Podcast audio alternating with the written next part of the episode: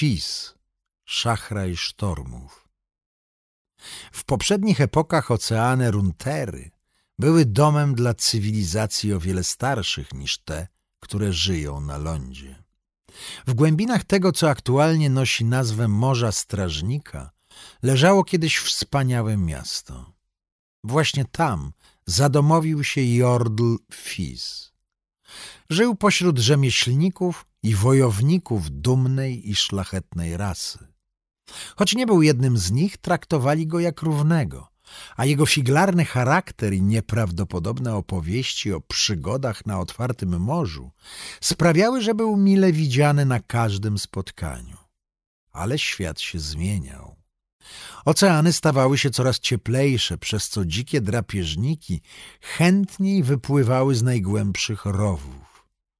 Inne osady milczały, lecz władcy wielkiego miasta wciąż nie mogli dojść do porozumienia, jak poradzić sobie z zagrożeniem. Fis przysiągł przeczesywać morza, szukając ocalałych albo kogokolwiek, kto wiedział, co się wydarzyło. Wtem pewnego mrocznego dnia nadeszły gigalodony. Te ogromne smocze rekiny ogłuszały ofiary przeraźliwym wyciem. Niedługo potem aleje wspaniałego miasta zaszły czerwienią. W przeciągu godzin tysiące mieszkańców straciło życie. Olbrzymie ciała ich zabójców miażdżyły wieże i świątynie w potwornym szale żerowania. Wyczuwszy krew w wodzie, Fist czym prędzej wrócił, zdeterminowany, by dołączyć do walki i ocalić miasto. Przybył za późno. Z miasta nie zostało nic, co dałoby się ocalić. Kiedy pył ze zgliszczy opadł, okazało się, że żadna żywa istota nie przetrwała. Nie został nawet kamień na kamieniu, a krwiożercza ławica popłynęła dalej. Sam w chłodnej otchłani, Fis został zalany falą czarnej rozpaczy. Gdy jego jordlowa magia zaczynała zanikać, pozwolił ponieść się prądom i dryfował w katatonicznym letargu, śniąc przez tysiąclecia. Jedynie przypadek sprawił, że się obudził. Garść miedziaków opadła z góry i rozeszła się po morskim dnie w cieniu ogromnej drewnianej ryby, która pływała na powierzchni. Nie był to gigalodon, ale Fis był jednak przejęty. Nie wiedział wiele o świecie nad jego głową, ale na pewno żadna ryba nie mogła tam przetrwać. Popłynął do góry i pierwszy raz wyjrzał na słone powietrze. Byli tam ludzie. Ludzie, którzy nie żyli w wodzie i pływali na drewnianych rybach wszelakich rozmiarów. Fis uznał, że jest to jednocześnie przerażające i ekscytujące ale interesujące podarunki wrzucone przez nich do wody nie pozostawiały wątpliwości, że chcieli się z nim zaprzyjaźnić. Z czasem podążając za nimi w tę i we w tę po oceanach, trafił do miasta portowego Bilgewater. Dla mieszkańców tego bandyckiego miejsca to dziwne i śliskie stworzenie stało się czymś jak z legendy szachrajem sztormów, duchem samego oceanu. Mówi się, że może przyzywać ogromne stwory, by wypełniały jego rozkazy. Albo że swoim kamiennym trójzębem może przedziurawić kadłub statku i oddychać powietrzem lub wodą wedle kaprysu. Wiele nieposłusznych dzieci było ostrzeganych bezksiężycową nocą. Idź szybko spać, albo przyjdzie szachraj i nakarmi tobą rybki.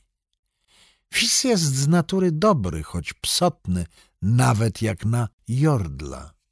I rozkoszuje się wprowadzaniem mieszkańców Bilgewater w zakłopotanie. Najbardziej doświadczeni rybacy wiedzą, że jak ocean może się wznosić i opadać, taki szachraj sztormów może ich zaprowadzić równie dobrze na pas ciszy lub na wody, gdzie ryby same wypełniłyby ich sieci. Mimo to Fis nie jest miły dla chciwych ani egoistycznych. a więcej niż jedna butna pani kapitan, która miała nadzieję na szybki zarobek, przekonała się, że jej tajemniczy przewodnik nie zaprowadził jej załogi w bezpieczne miejsce, ale na mieliznę.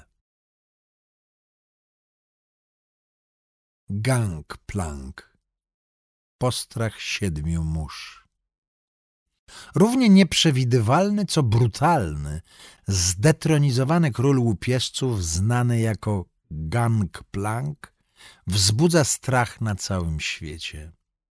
Śmierć i ruina idą jego śladami wszędzie tam, gdzie się uda. Jego niesława i fatalna reputacja sprawiają, że sam widok czarnych żagli na horyzoncie wpędza w panikę nawet najtwardszych morskich wilków. Po tym jak wzbogacił się przez żerowanie na szlakach handlowych, Gangplank zyskał wielu potężnych wrogów. Wioni naraził się zabójczemu zakonowi cienia przez złupienie świątyni wyszczerbionego noża. Plotki głoszą, że sam wielki generał Noxusu pragnie rozerwać gangplanka na strzępy. Potem jak pirat skradł Lewiatana, prywatny okręt wojenny Swaina i dumę noksjańskiej floty. Mimo, że gangplank ściągnął na siebie gniew wielu osób, nikomu nie udało się doprowadzić go przed oblicze sprawiedliwości a wysyłano za nim zabójców, łowców nagród, a nawet całe potężne floty. Czerpie chorą satysfakcję z faktu, że nagrody za jego głowę są coraz wyższe. Za każdym razem, gdy jego statki powracają do portu wypełnione łupami, przybija listy gończe do tablicy ogłoszeń w Bilgewater, aby wszyscy mogli je zobaczyć. Niedawno Gangplank poniósł porażkę w wyniku machinacji Miss Fortune, łowczyni nagród. Jego statek został spustoszony na oczach całego Bilgewater. Załoga zginęła, a jego aura nietykalności została zniszczona. Teraz, gdy wszyscy zobaczyli, że jest osłabiony, gangi z Bilgewater rzuciły się do walki o władzę nad miastem. Mimo otrzymania potwornych ran w wyniku wybuchu, Gangplank przeżył. Zyskawszy nowe blizny oraz metalowe ramię na zastępstwo amputowanej kończyny, pragnie odbudować swoją potęgę, odzyskać to, co mu się należy i bezlitośnie ukarać tych, którzy zwrócili się przeciwko niemu. Graves Banita Dorastając wśród portowych zaułków Bilgewater, Malcolm Graves szybko nauczył się walczyć i kraść, a umiejętności te miały z biegiem lat okazać się niezwykle przydatne. Często zatrudniał się przy transporcie kontrabandy, którą co noc przemytnicy szmuglowali statkami do zatoki. A dorabiał sobie jako ochroniarz przeróżnych oprychów, którzy załatwiali w porcie brudne interesy. Te zaułki były jednak domeną miejscowych płotek, a on szukał znacznie większych emocji. Jeszcze jako młodzik Graves ukradł garłacz i przekradł się na pokład statku wypływającego z Bilgewater ku Szurimie, gdzie następnie żył z kradzieży, oszustw oraz hazardu i szukał swojego miejsca na wybrzeżu. Pewnego dnia w błotnisku zasiadł do nielegalnej gry w karty o wysoką stawkę. Przy tym samym stole, co człowiek, który miał zmienić koleje jego życia i kariery. Oszust znany jako Twisted Fate. Obaj mężczyźni szybko dostrzegli łączący ich pociąg do przygód oraz niebezpieczeństw. I tak oto narodziła się pewna wyjątkowo dochodowa spółka. Czysta siła Gravesa i elokwencja Twisted Fate'a, która nierzadko pozwalała wykaraskać się z kłopotów, ale czasem ich w nie pakowała, stanowiły niezwykle skuteczne połączenie. Obopólne poczucie zbójeckiego honoru przerodziło się w prawdziwe zaufanie. Duet okradał bogatych, oszukiwał głupich, dobierał zdolnych kompanów do konkretnych skoków i sprzedawał rywali, gdy tylko się dało. Mimo, że Twisted Fate'owi zdarzało się przechulać wszystkie łupy i zostawali z niczym, Grace wiedział, że za rogiem zawsze czekała już na nich kolejna przygoda. Na południowym pograniczu Waloranu zdołali skłócić ze sobą dwa znamienite noksjańskie rody, by uratować porwanego następcę tronu. Ich pierwotnego zleceniodawcy nie powinno jednak dziwić, że zgarnąwszy nagrodę, sami postanowili pojmać nikczemnego młodzieńca, by wydać go w ręce tego, kto zapłaci najwięcej. Z kolei w Piltover dali się poznać jako jedyni złodzieje, którzy włamali się do rzekomo niedostępnego mechanicznego skarbca. Nie dość, że opróżnili go ze wszystkich kosztowności, to jeszcze zdołali nakłonić strażników, by ci załadowali łup na pokład porwanego wcześniej szkunera, którym uciekli potem przez słoneczne wrota. Ich czyny prawie zawsze wychodziły na jaw dopiero wtedy, gdy oni i ich współpracownicy znajdowali się już bezpiecznie za horyzontem. Zazwyczaj wraz z wizytówką Twisted Fate'a, czyli zostawioną na miejscu przestępstwa kartą. Szczęśliwa passa nie mogła jednak trwać wiecznie. Podczas skoku, który szybko przerodził się ze skomplikowanej w kompletnie spartoloną akcję, Graves trafił do niewoli. A Twisted Fate podwinął ogon pod siebie i porzucił towarzysza. Gravesa wtrącono do niesławnego więzienia zwanego ciemnicą, gdzie latami w odosobnieniu cierpiał tortury, podczas których zapałał nienawiścią do starego partnera. Zwykłego człowieka z pewnością by to złamało, lecz nie Malcolma Gravesa. W głowie miał tylko jedno – zemstę. Gdy wreszcie wyrwał się na wolność, zarzucił na ramię nowo zdobytą strzelbę naczelnika więzienia i rozpoczął poszukiwania Twisted Fate'a. Trop zawiódł go z powrotem do Bilgewater, gdzie odkrył, że za głowę przebiegłego szulera oferowano sowite nagrody, które Graves zainkasowałby z olbrzymią radością. Jednak gdy wreszcie namierzył Twisted Fate'a, musiał zapomnieć o zaszłościach i połączyć z nim siły, by uniknąć niemal pewnej śmierci podczas szalejącego konfliktu między królem rozbójników, Gangplankiem, a innymi kapitanami. Graves po raz kolejny był zmuszony uciekać ze swojego rodzinnego miasta, ale tym razem u boku starego kompana. Obaj chętnie wznowiliby przerwaną przed laty współpracę. Ale takiego urazu nie da się zapomnieć z dnia na dzień, więc Graves musi krok po kroku oswajać się z myślą, by znowu zaufać Twisted Fate'owi. Ponownie czuje też zew Bilgewater. Może tym razem duet trafi w dziesiątkę i zdoła dokonać skoku doskonałego. Ilaoi, kapłanka Krakena. Potężna budowa ciała Ilaoi jest przyćmiona jedynie przez jej niezłomną wiarę. Jako prorok wielkiego Krakena używa wielkiego złotego posążka do wyrywania dusz swych wrogów z ich ciał, tym samym zaburzając ich postrzeganie rzeczywistości. Wszyscy, którzy odważą się przeciwstawić zwiastunce prawdy Nagakaburossy, wkrótce przekonają się, że Ilaoi nigdy nie walczy w pojedynkę. Bogini z Wysp Węży walczy u jej boku. Wszystkich, którzy spotkają Ilaoi, uderza sama jej obecność. Kapłanka, silna kobieta, czerpie z życia pełnymi garściami. Bierze to, na co ma ochotę, niszczy to, czego nienawidzi i rozkoszuje się wszystkim, co kocha. Jednak, aby w pełni poznać Ilaoi, trzeba zrozumieć religię, której poświęciła swe życie. Jej wiara obraca się wokół Nagakaburossy, która zwykle jest przedstawiana jako olbrzymia głowa węża z mackami ciągle krążącymi dookoła, bez początku i bez końca. Nazywana bywa również matką węży, wielkim krakenem, a nawet brodatą damą. Naga Kaburossa pochodzi z Wyspy Węży jest boginią życia, morskich sztormów oraz ruchu. Dosłowne tłumaczenie jej imienia to wieczny potwór, który napędza morza i niebiosa. Teologia tej religii opiera się na trzech dogmatach. Każda dusza powstała, aby służyć wszechświatowi. Pożądanie zostało nadane każdemu bytowi przez wszechświat. Wszechświat zmierza ku swemu przeznaczeniu, kiedy żywe stworzenia podążają za swymi pragnieniami. Kapłanki niższej rangi zajmują się świątyniami, przyzywają święte węże oraz nauczają ludzi o Nagakaburossie.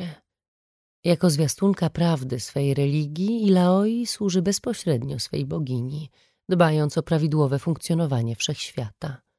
W związku z tym ma dwa święte obowiązki. Pierwszą powinnością zwiastunki prawdy jest prowadzenie wojny przeciwko nieumarłym.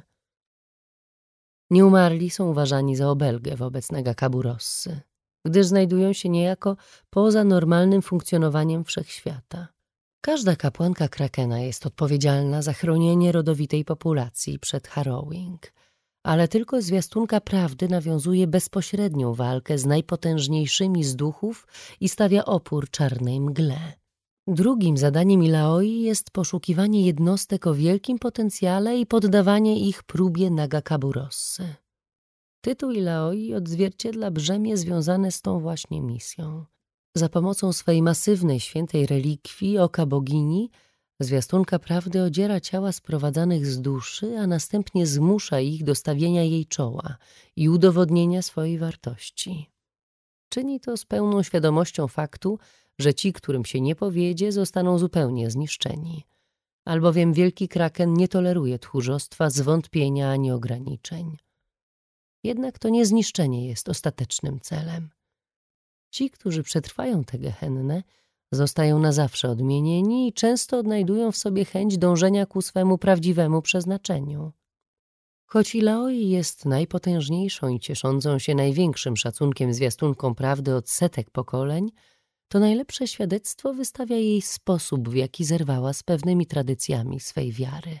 Po ukończeniu przygotowania do roli zwiastunki prawdy, a jednocześnie u szczytu swej potęgi, Ilaoi opuściła złote świątynie Buchru i udała się do pobliskiego, splugawionego Bilgewater. Pirackie miasto jest jedynym miejscem na Wyspach Węży, do którego wstęp mają cudzoziemcy, a przez wyznawców Ilaoi uważane jest za cuchnący rynsztok. Poprzednie zwiastunki prawdy ignorowały miasto, a przybywających tam cudzoziemców postrzegały za praktycznie nietykalnych. Ilaoi skończyła z tą tradycją, gdy postanowiła chronić mieszkańców Bilgewater przed harrowing. Jeszcze bardziej kontrowersyjne było uznanie przez nią dusz niektórych spośród nich za godne wielkiej próby. Pomimo tego w mieście powstało jedynie kilka świątyń i tylko garstkę pajlangi wyspiarski slang określający mieszkańców pochodzących z kontynentu, kiedykolwiek wpuszczono do środka.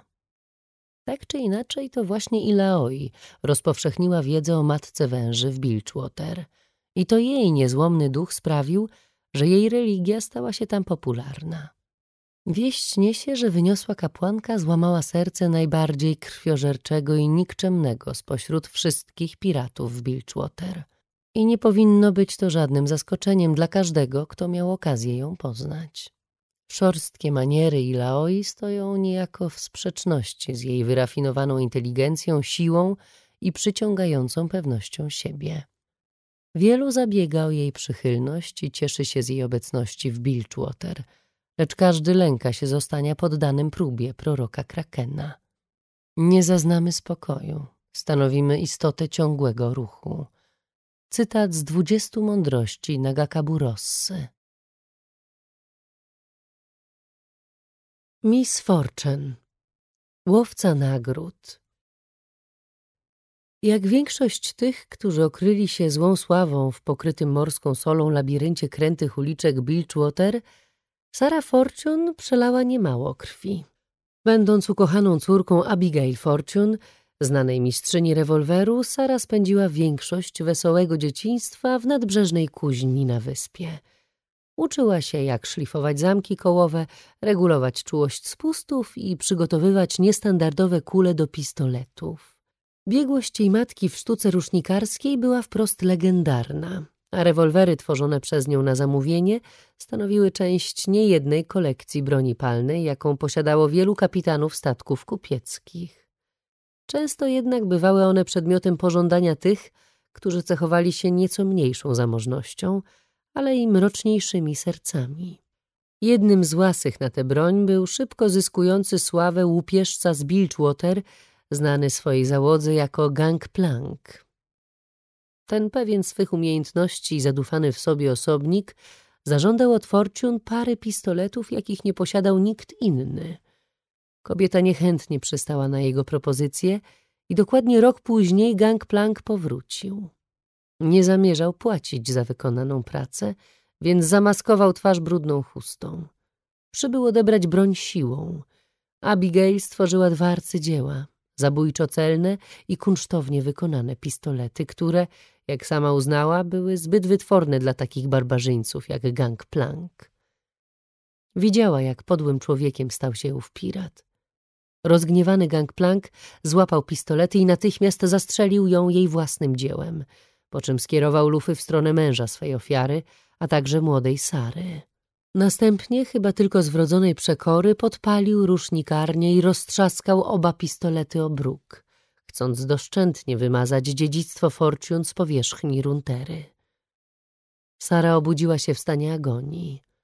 Jej rany były poważne, ale jakoś wyczołgała się z płonących zgliszczy, tuląc do piersi resztki obu broni. Z czasem jej ciało wyzdrowiało, ale koszmary na jawie i we śnie dręczyły ją jeszcze przez długie lata. Nie dała się jednak złamać. Z całego serca pragnęła zemsty. Naprawiła pistolety matki i dowiedziała się, ile tylko mogła o zamaskowanym mordercy, który zdążył okrzyknąć się królem upieżców w Bilgewater i zmusić najbardziej wpływowych kapitanów, by uszanowali jego tytuł. Nie miało to jednak znaczenia. Sara zamierzała przygotować się na następne spotkanie z Gangplankiem. Wsiadła na statek płynący do zatoki Bilgewater i zaledwie kilka minut po przybiciu do brzegu i postawieniu stopy na krzywych deskach Kei zabiła pierwszego człowieka w swoim życiu. Był nim pijany pirat, który wypił galon ciemnego rumu Majrona. Za jego głowę wyznaczono nagrodę. Sara zawlekła jego truchło przed osoby odpowiedzialne za tablicę z listami gończymi, po czym zdarła tuzin kolejnych listów i ruszyła w miasto. W ciągu tygodnia zajęła się wszystkimi listami, a pechowi złoczyńcy, którzy padli jej ofiarą, albo byli nieżywi, albo zakuci w kajdany. Szybko zyskała reputację w tawernach i szulerniach i stała się znana jako Miss Fortune. Gangplank nie mógł się jej spodziewać. Przecież kolejna łowczyni głów na ulicach jego miasta nie robi żadnej różnicy. W ciągu następnych lat opowieści o wyczynach Miss Fortune rozprzestrzeniały się po całym mieście, a każda kolejna była wymyślniejsza od poprzedniej. Miss Fortune utopiła przywódczynię korsarzy jedwabnego majchra w beczce rumu, którą jej ukradła. Skradła syrenę kapitanowi, który na własnej skórze przekonał się, że powinien trzymać ręce przy sobie. Wyśledziła szalonego rozpruwacza rozpustnic w jego noże w dokach rzezi, będącej brzuchem w połowie rozczłonkowanego lewiatana i strzeliła mu w plecy, gdy próbował uciec. Mimo to nie mogła sobie pozwolić na otwarte starcie z gangplankiem, bo był zbyt silny, a jego załoga, wyszczerbione haki, nie odstępowała go ani na krok. Miss Fortune wiedziała jednak, że zabicie go to za mało. Tylko najgorsze upokorzenie go i spalenie wszystkiego, co ukradł, usatysfakcjonowałoby dziewczynę, która umarła na podłodze rusznikarni swojej matki. Zatem krok po kroku Miss Fortune zaczęła otaczać się małym, acz wiernym gronem sojuszników, którzy ostatecznie mieli jej pomóc w przegnaniu demonów przeszłości. Postawiła wszystko na jedną kartę, by wykonać ruch przeciwko gangplankowi. Za sprawą misternie utkanej sieci intryg jego statek, zbiornik trupów, wybuchł, stając się płonącym wrakiem, a sam tyraniczny król łupieżców został obalony. Co najlepsze, wszyscy mieszkańcy Bilgewater widzieli jego upadek. Dla Sary było to jak spełnienie marzeń. Wszystko przebiegło zgodnie z planem. Jej szczęście nie trwało jednak zbyt długo. Pod nieobecność Gangplanka inni kapitanowie szybko poczęli walczyć o władzę nad miastem. Marne obowiązujące dotychczas prawo zniesiono w okamgnieniu, a mnóstwo niewinnych cywili znalazło się w środku konfliktu wojujących ze sobą załóg. Miss Fortune, jako kapitan Syreny, niechętnie przyjęła zadania ostudzenia sytuacji i przy wsparciu swoich ludzi wynegocjowała niełatwy rozejm, który jakimś cudem trwa po dziś dzień. Ale w portowym mieście wszystko płynie, więc kapitan Fortune wciąż musi narzucać własny porządek wszystkim łupieżcom, przywódcom gangów i odległym zagrożeniom, które na nią czyhają. Prawdziwa bitwa o Bilgewater dopiero się zaczęła. Nautilus, tytan głębin. Żeby zrozumieć legendę o Nautilusie, najpierw trzeba poznać tego człowieka. Ponieważ nawet najbardziej nieprawdopodobne opowieści z karczmy są w tym wypadku zgodne. Rzeczywiście był on człowiekiem. Choć fale już dawno zmyły imię, które nadano mu przy urodzeniu, większość pamięta Nautilusa nie jako zwykłego żeglarza, ale jako nurka specjalizującego się we wrakach. Tuż za najbardziej wysuniętym na południe przylądkiem wysp niebieskiego płomienia leży cmentarzysko statków, które podobno zaginęły podczas poszukiwań ziemi obiecanej, chcąc wymienić bogactwo na nieśmiertelność. W pogodny dzień ich połyskiwanie wabi spod powierzchni. Wiele załóg poszukiwało nurków, by posiąść zaginione bogactwa, a żaden nurek nie był lepszy od prędko idącej na dno góry mięśni, jaką był Nautilus. Nautilus wolał nurkować bez osprzętu, gdyż miał płuca, które mogłyby wydrzeć wiatr z żagli galeonu. Zawsze wynurzał się z ogromem złota lub klejnotów dla załogi i nie wymagał wygórowanej zapłaty. Prosił jedynie, żeby kapitan przy wypływaniu wyrzucił monetę za burtę, aby uszanować i zaspokoić bezmiar oceanu. Z pewnością był to przesąd żeglarza, ale wiele załóg, które obawiały się morza, składało takie ofiary w celu zapewnienia sobie bezpiecznego powrotu. Lata szabrowania skurczyły łatwo dostępny skarb, a każda wyprawa stawała się coraz mniej owocna. Aż pewnego dnia załoga Nautilusa dowiedziała się, że ich statek i umowy zostały podkupione. Poranne słońce było szkarłatne, kiedy nowy kapitan postawił nogę na statku. Przybył z obcego portu i przyniósł ze sobą wielki skafander z mosiądzu i żelaza. Od razu skupił się na Nautilusie, bo to on był powodem, dla którego wykupił tę łajbę i jej załogę. Było jasne, że kapitan miał obsesję na punkcie konkretnego wraku, takiego, który nawet w pogodny dzień był spowity ciemnością. Zbroja do nurkowania mogła wytrzymać ciśnienie dna oceanicznego dużo dłużej niż jakikolwiek człowiek, Wystarczająco długo, by zebrać wszystko, co kryło się w nienaturalnym mroku głębin. Załoga uznała, że lepiej jest pracować niż głodować, więc Nautilus został siłą wepchnięty do skafandra, pod którego ciężarem jęczał pokład. Żołądek podszedł mu do gardła, gdy uświadomił sobie, że nie mieli czym zapłacić dziesięciny. Obcy kapitan śmiał się, kiedy Nautilus był opuszczany do wody. Zapewnił załogę, że to, czego strzegła brodata dama, sprawi, że będą bogatsi niż w ich najśmielszych snach i że złożą tę ich głupią ofiarę potem, jak Nautilus wróci na powierzchnię. Nautilus szedł na dno, światło nad nim przygasło i nastała cisza słyszał tylko swój oddech, który niósł się echem po żelaznym skafandrze. Potem coś wychynęło z głębin.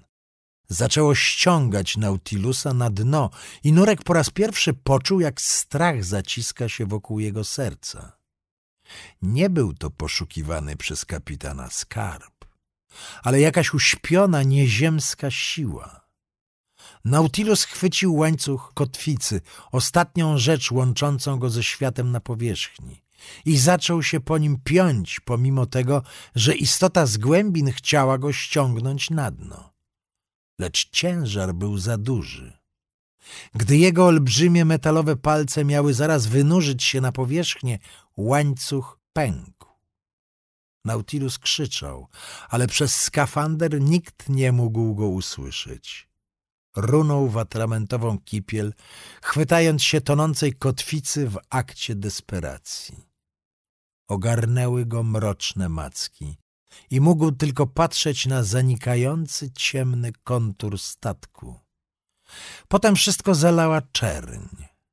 Gdy Nautilus przebudził się na dnie oceanu, był już inną istotą. Ciemność nie mogła go więcej skrzywdzić.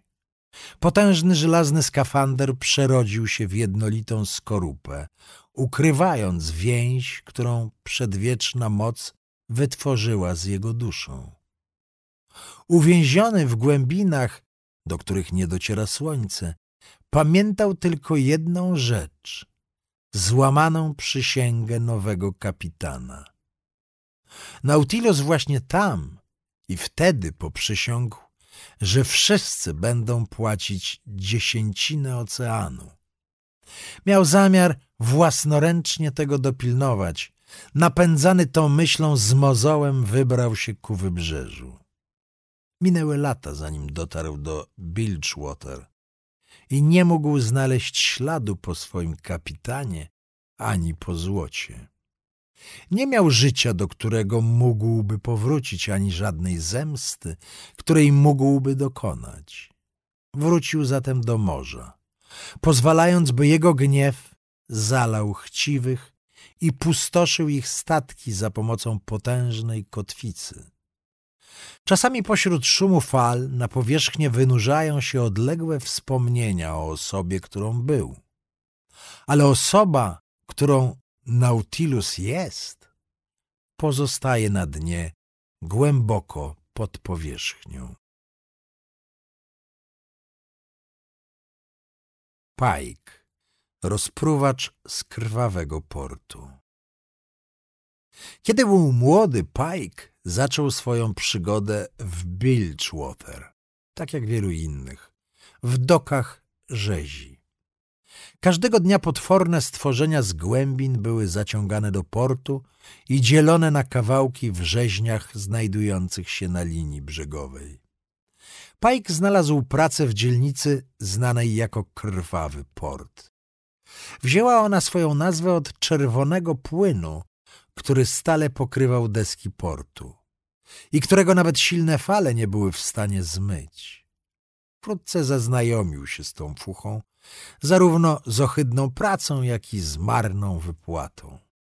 Raz po raz Pike widział, jak ciężkie sakiewki pełne złota były przekazywane kapitanom i załogom w zamian za ogromne cielska, które on i jemu podobni cieli nadające się sprzedać kawałki.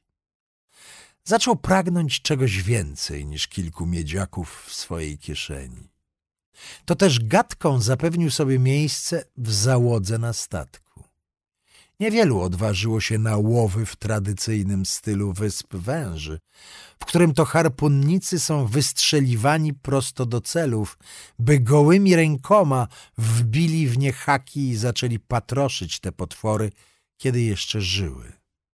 Pajk był nieustraszony i bardzo uzdolniony, więc szybko zasłużył na tytuł najlepszego harpunnika, jakiego można wynająć za złotego krakena. Wiedział, że mięso jest warte grosze w porównaniu z niektórymi organami większych, niebezpieczniejszych stworów. Organami, które muszą zostać zebrane, gdy są jeszcze świeże. Zależnie od poziomu trudności łowów, każdy morski potwór miał własną cenę. A najbardziej pożądanym przez handlarzy z Bilgewater potworem był diabeł morski. Bezcenne woreczki safilitu pochodzące z nabitej ostrymi jak brzytwa zębami paszczy diabła były poszukiwane w całej runterze. ponieważ stosowano go w różnych czarodziejskich miksturach, a flakonik tego świecącego niebieskiego oleju był warty dziesięć statków z załogami. Lecz to podczas łowów z niedoświadczonym kapitanem Pike przekonał się, gdzie może zaprowadzić go życie pełne krwi i flaków. Po kilku dniach rejsu ogromny diabeł morski wynurzył się z morza i szeroko otworzył swoją skrywającą rzędy woreczków safilitu paszczę. Wiele harpunów unieruchomiło potwora i choć był on dużo większy i starszy niż jakikolwiek widziany wcześniej przez Pajka, to bez wahania wskoczył prosto w jego szczęki. Kiedy brał się do roboty, głębokie brzęczenie zaczęło dobiegać z bezdennej gardzieli stwora. Bulgoczące bąble przebiły tafle oceanu, a szczęka pełna zębów poczęła napierać na kadłub statku. Kapitan spanikował i przeciął linę pajka. Ostatnią rzeczą, jaką biedny harpunnik widział, zanim szczęki potwora się zacisnęły, były przerażone twarze jego pobratymców, którzy przyglądali się, jak był połykany żywcem. Lecz dla Pajka to nie był koniec. W najgłębszych otchłaniach nieogarnionego oceanu, miażdżony monstrualnym ciśnieniem i wciąż uwięziony w paszczy diabła morskiego, Pajk ponownie otworzył oczy. Ujrzał tysiące niebieskich świateł, które sprawiały wrażenie, jakby mu się przyglądały. Hałaśliwe echa czegoś pradawnego i tajemniczego wypełniły jego myśli, miażdżąc umysł i odsłaniając przed nim wizję wszystkiego, co stracił, gdy inni nie kiwnęli nawet palcem. Nowa żądza zawładnęła pajkiem, żądza zemsty i odwetu. Postanowił wypełnić głębiny ciałami tych, którzy mu zawinili. W Bilgewater nikt nie przejął się zabójstwami. Wszak w tak niebezpiecznym miejscu sporadyczna czerwona fala nie była niczym nowym. Tygodnie zmieniły się w miesiące i zaczęła klarować się pewna prawidłowość. Kapitanowie wielu statków byli znajdowani, wybebeszeni i pozostawieni na pastwę nowego świtu. Klienci szynków szeptali o nadludzkim zabójcy, któremu zawiniono na morzu i który wymordowuje wszystkich członków załogi jakiegoś przeklętego statku zwanego postrachem. Pytanie, jesteś kapitanem?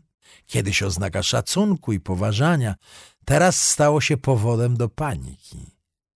Niedługo później zaczęli znikać też drenażyści, pierwsi oficerowie, bosmani, płatnicy, wszyscy związani z krwawym interesem odbywającym się w dokach rzezi. Nowe imię pojawiło się na tablicy ogłoszeń.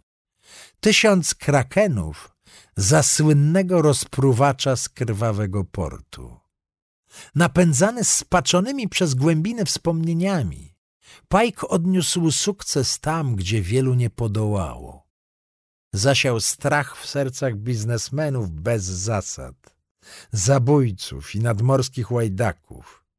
Choć nikomu nie udało się znaleźć wzmianki o statku zwanym postrachem, który by kiedykolwiek zawinął do Bilgewater. W ten sposób miasto, które szczyci się polowaniem na potwory, samo znalazło się w roli ofiary potwora. Tam Kęcz, rzeczny król. Rzeki w Waloranie są stare, ale demon Tam Kęcz jest jeszcze starszy. Począwszy od zabłoconych namiotów szulerskich wzdłuż wężawy, przez pokryte solą sale do gry w kości w Bilgewater, do pozłacanych stołów hazardzistów w Piltover i Zaun. Wszyscy, którzy zawistnie spojrzeli na bogactwo innej osoby, wiedzą, że ten bezgraniczny głód bierze się ze spotkania z rzecznym królem. Pierwsze opowieści o tym stworze pochodzą od koczowniczego ludu, który pływał po wężawie. Ostrzegały przed ogromną rybą z przepastną paszczą, która wabi niezaspokojonych, obiecując im więcej. Jedna taka historia opowiada o młodzieńcu, który słynął ze swojej szczerości. Choć był tratwiarzem, pragnął żyć z dala od tych okropnych rzecznych brzegów, które znał tak dobrze. A rzeczny król obiecał mu niezapomniane przeżycie, jeżeli ten skłamałby tylko jeden raz. Tratwiarzowi wydawało się dość niewinne, więc nagiął prawdę w rozmowie z własnym bratem. Tej nocy pojawił się demon i ujawnił przed nim rozwidlenie w rzece, którego wcześniej nie zauważył. Popłynął nim do obozowiska obcego ludu, który zaproponował mu jedzenie, picie i nowe towarzystwo. Jako, że zbliżał się świt, a tratwiarz był najedzony i gotowy wrócić do domu, demon pojawił się znowu, obiecując jeszcze wspanialsze przeżycie za kolejne kłamstwo. Mężczyzna był zaciekawiony, więc przystał na ofertę i skłamał swoim gospodarzom.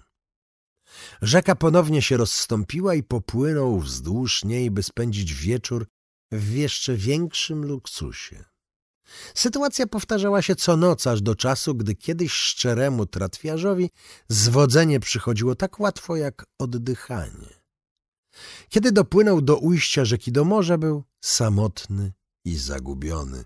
Nie było już komu skłamać.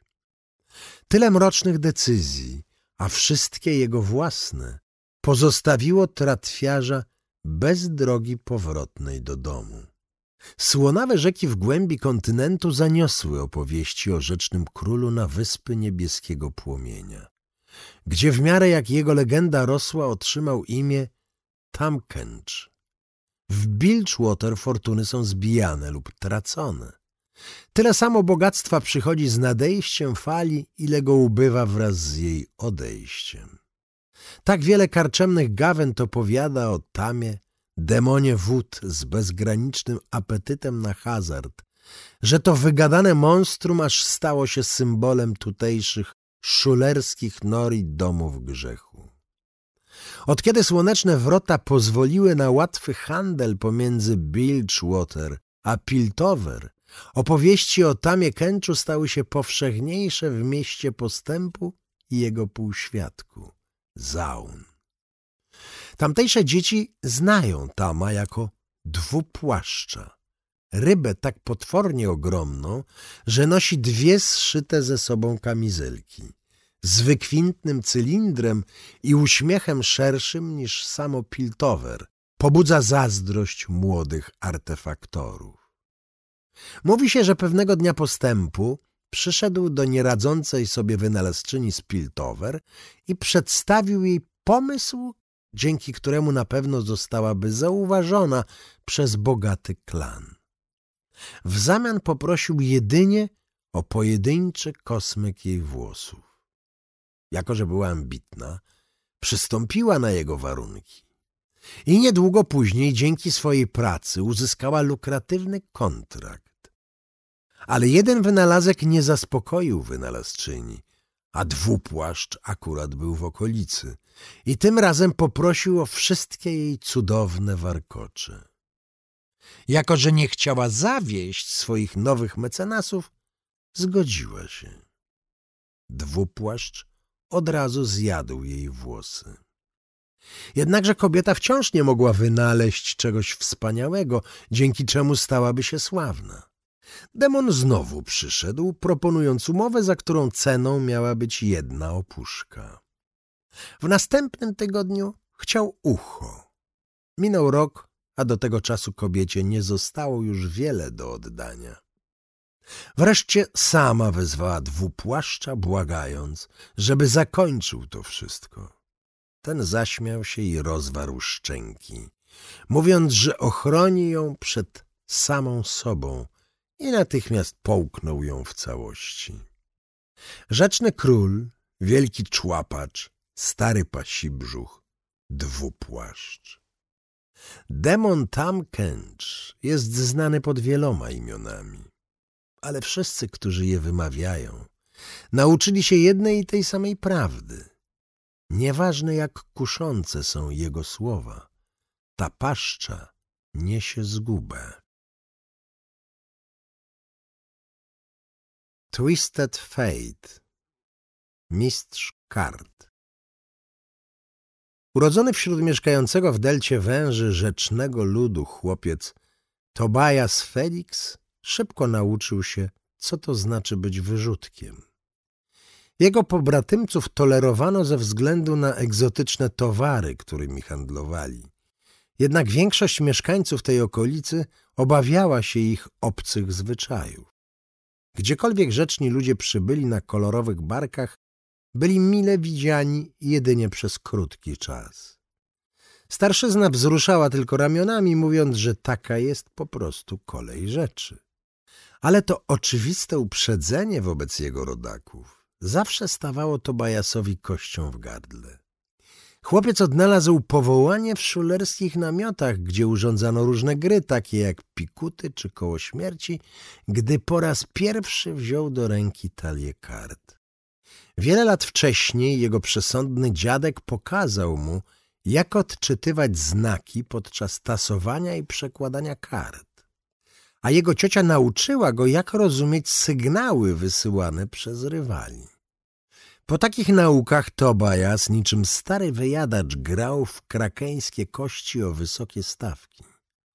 Prawie że wyczuwał, gdzie znajdują się wszystkie karty w talii i śledził ich pozycję z każdym rozdaniem.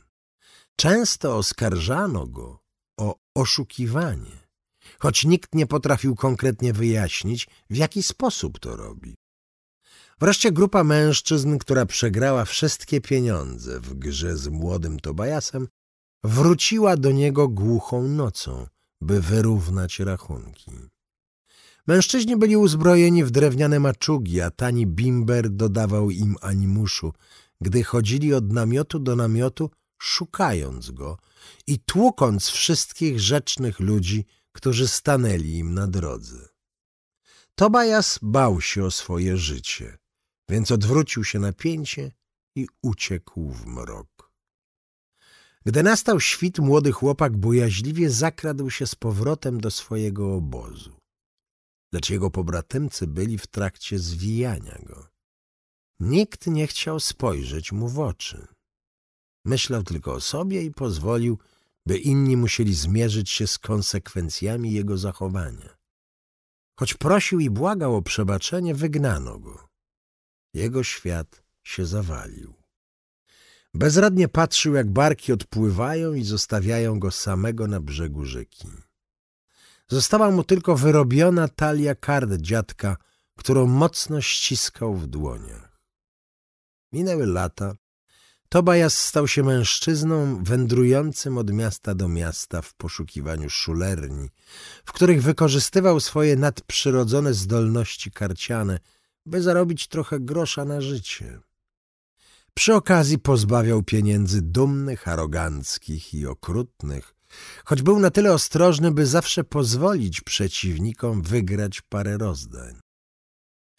Podczas jednej z rozgrywek poznał godnego pożałowania człowieka, Malcolma Gravesa. Mężczyźni uznali się za bratnie dusze i szybko połączyli siły. Na przestrzeni lat podejmowali się różnych podejrzanych przedsięwzięć w wielu miastach na północno-wschodnim wybrzeżu i nie tylko. Z każdym oszustwem, szwindlem i skokiem Tobias czuł, że karty ciągną go do siebie coraz mocniej i wiedział, że nie mógł nim kierować byle fart hazardzisty. Jego pobratymcy nigdy nie robili sobie nic z tego, że ludzie obawiali się ich prymitywnej magii i kartomancji.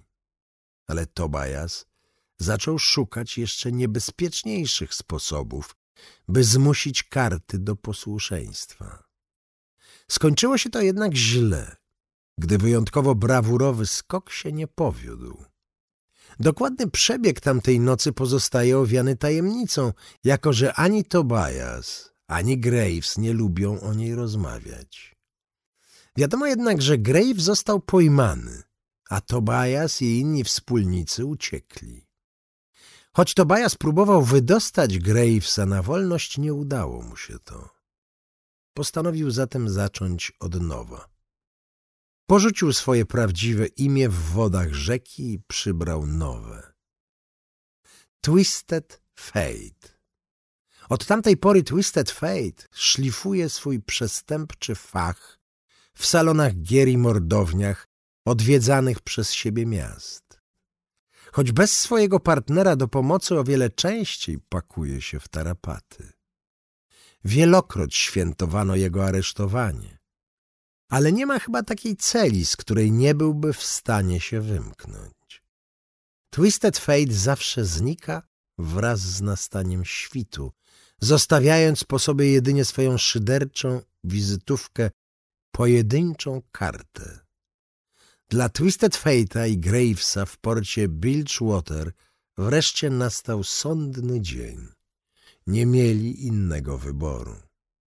Musieli zapomnieć o zaszłościach, gdy wplątali się w walkę o władzę między kapitanami statków, którzy rządzili portowym miastem, lecz po śmierci króla łupieżców Gangplanka szybko się pogodzili i uciekli do dalekiego Piltover. Koniec końców Twisted Fate cieszy się, że odzyskał starego przyjaciela. Nawet jeśli do odnowienia kwitnącej niegdyś współpracy potrzeba jeszcze jednego, dwóch, a może i dziesięciu wspólnych napadów.